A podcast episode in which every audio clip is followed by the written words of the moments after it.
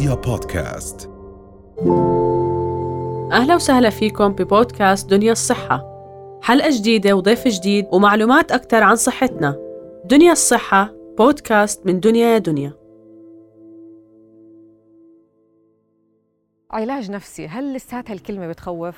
يعني بتخوف عند ناس وبس في ناس كثير ما بتخوف عندهم. يعني عم عم بنشوف بشكل عام أنا وزملائي بأنه صار في إقبال أكثر بكثير من أول والناس عم تطلب المساعدة وبالعكس الناس حتى على وسائل التواصل الاجتماعي يعني لأول مرة بنشوف إنه عم بيطالبوا حتى المؤسسات الحكومية لتطوير الخدمات بيطالبوا وبيحكوا في الموضوع لأنه العالم كله صار مفتوح على بعض وكل حدا إحنا في عام 2022 في أدوات لنعيش حياة بشكل أفضل. فحتى الموضوع مش بس صفى إنه إذا أنا مريض وراح أنتحر فقط بروح للعلاج عم بنشوف مراجعين من كافة يعني درجات الشدة أو في ناس جايين ل يعني الموضوع واسع جدا بأطياف نعم. متعدده إذا بدنا نحكي عن العلاج اللادوائي أو الكلامي وربما في أشخاص بيقولوا لك لا من غير دواء ما في شيء بزبط فخلينا نتحدث عن هذا العلاج تمام. دكتور أنا طبيب وأنا دارس طب فإحنا معروف واللي الناس دائما يتداولوا إنه الأطباء ما بديش أروح عند دكتور لأنه الدكتور رح يعطيني دواء. وبتشوف على السوشيال ميديا فكرة يعني مخطوئة نوعا ما نعم. إنه تلاقي النصائح لبعض إنه إذا بدك دواء روح عند دكتور إذا بدك حد يحكي معك روح عند آه، معالج كلامي. بس الموضوع مش هيك ابدا. فأنا ما إني من خلفية طبية كنت كثير حابب إنه أحكي عن موضوع العلاج اللادوائي. الفكرة بإيش أنت بتحتاج؟ دماغ أي بني آدم عبارة عن شغلتين جيناته وتركيبه البيولوجي بالإضافة لذكرياته واللي مر فيها. هاي شكلت منظومة من طريقة التفكير نعم. طريقة التصرف بالأمور وكيف الشخص بحس. الاضطرابات النفسية أو الصعوبات النفسية أشكالها متعددة جدا. نعم. فالتحديد إذا الشخص بيحتاج علاج دوائي أو كلامي برجع أولا علميا لحسب الحالة إيش هي. في بعض الحالات زي القلق والاكتئاب تعتمد كثير على طريقة التفكير أو طريقة السلوك والظروف اللي مر فيها. بس في بعض الاضطرابات جزء منها طبي بنحتاج إنه نروح بشكل أكثر للعلاج الدوائي. هلأ نعم. بال بالأمور اللي فيها جزء طبي بيولوجي زائد جزء فكري سلوكي هون بصفي بنختار بحسب في علميا criteria وفي على أرض الواقع شو بنقدر نعمل. نعم. لأنه كل شيء له صح. له خصوصيته. هلأ إحنا دائما متعودين إنه في عندنا شقين للعلاج الدوائي والسلوكي. السلوكي عم نتحدث عن التحدث إلى الطبيب أو متابعة تغير السلوكيات. يعني وضح لنا أكثر فكرة العلاج المعرفي أو تمام. السلوكي. أشهر العلاجات الكلامية هو ال CBT العلاج المعرفي السلوكي. okay. وهو ببساطة إنه كل شخص عنده أفكار مم. والأفكار هاي بتسبب شعور معين؟ يعني مثلا فلنفرض آه والدتي اتصلت فيي إذا أنا ما رديت عليها إذا هي فكرت إنه صار له إشي رح تخاف. إذا فكرت إنه الله يعطيه العافية عم بيشتغل رح تنبسط. إذا فكرت إنه والله عمري ما احتجته ولقيته رح تزعل. إذا فكرت إنه والله هذا ابني بعيد رح تحزن.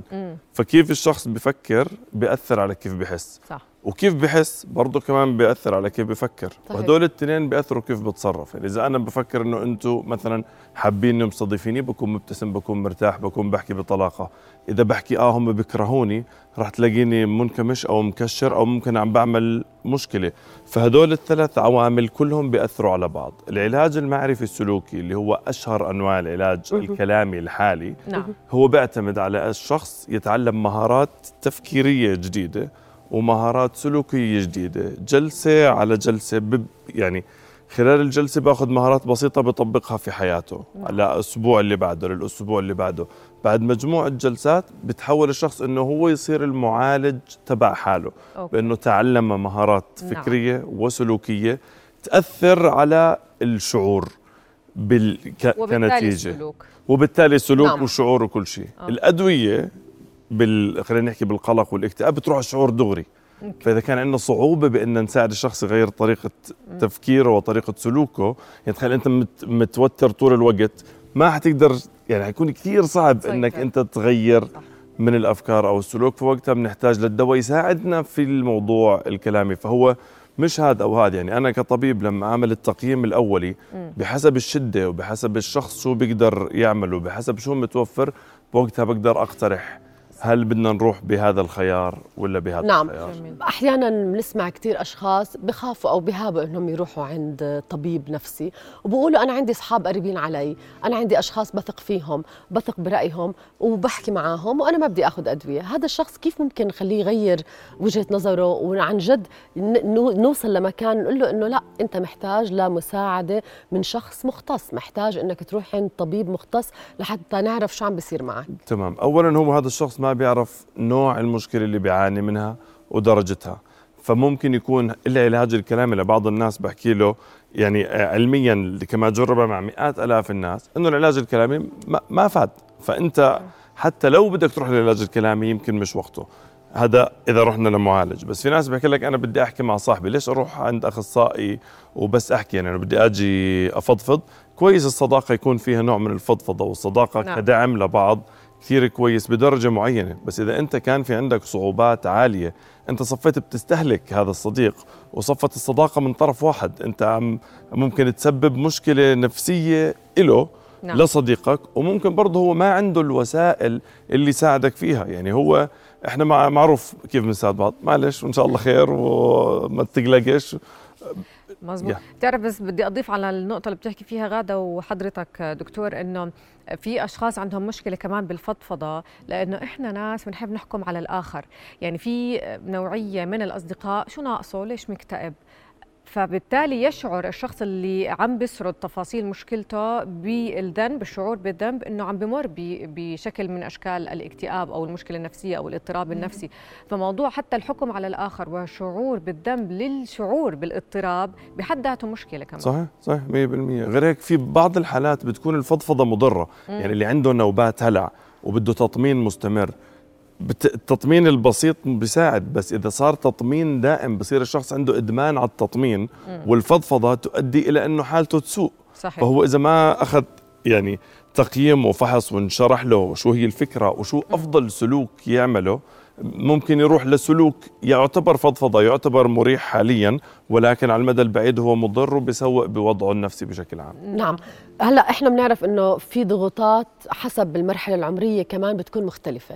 يعني بنعرف مثلا طلاب التوجيهي عندهم ضغوطات تبعت التوجيهي وضغوطات الأهل كمان لما تبلش بعمل جديد لما تدخل على الجامعة لما تدخل على مقاعد دراسة اليوم في كتير طلاب عم بيروحوا على مدارس جديدة أو بلاد جديدة وهكذا.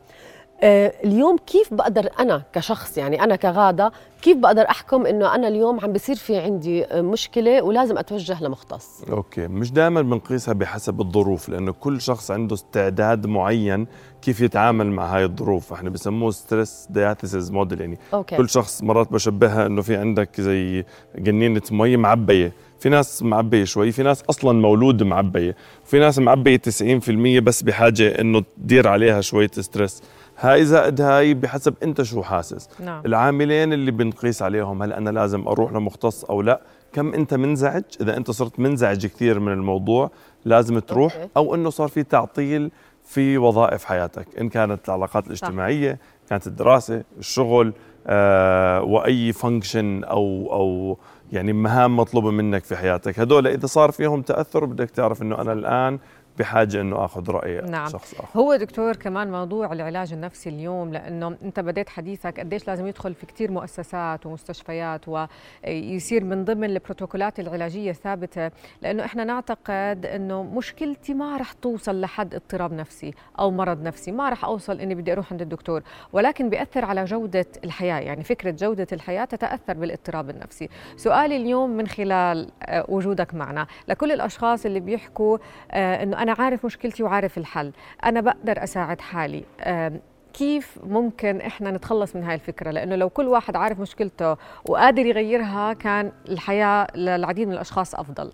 لازم يكون في عنا تدخل من مختصين لما تشعر إنه أنت جودة حياتك وأفكارك لم تعد بالشكل اللي عم بتناسبك. جزء مرات من التقييم إذا بنرجع لل guidelines إذا كانت الحالات بسيطة بيكون أصلا العلاج شيء بنسميه self help إنه الشخص يساعد حاله فإحنا بنزوده مواد أو معلومات أنا مثلا عم بشتغل بالمحتوى اللي عم بحطه وعم بشتغل على website نعم. أحط فيه self help أو حلو. وسائل مساعدة ذاتية م. فصحيح المساعدة الذاتية قد تكون نوع من أنواع العلاج، إذا أنت قررتها لنفسك لوحدك جربها لوقت يعني أسبوعين ثلاثة أربعة، بس إذا شفت إنه المساعده إحنا ما بنقدر نوقف الوقت هذا بحكي دائما للناس، مم. أنت بتحكي أنا بدي أجرب لست شهور، خلال الست شهور هدول إيش راح يصير؟ مم. لو أنا قادر أوقف الحياة وأعطيك ست شهور تشتغل مع نفسك لنفسك، بس الست شهور هدول ممكن عائلتك تتدمر، ممكن صح. تخسر شغلك، صح. ممكن إحنا ندخل في دوامة اللي بلش زي زي تأثير كرة الثلج،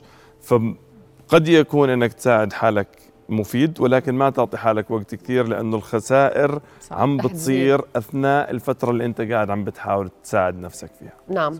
شكرا جزيلا لوجودك معنا دكتور أهلا وسهلا.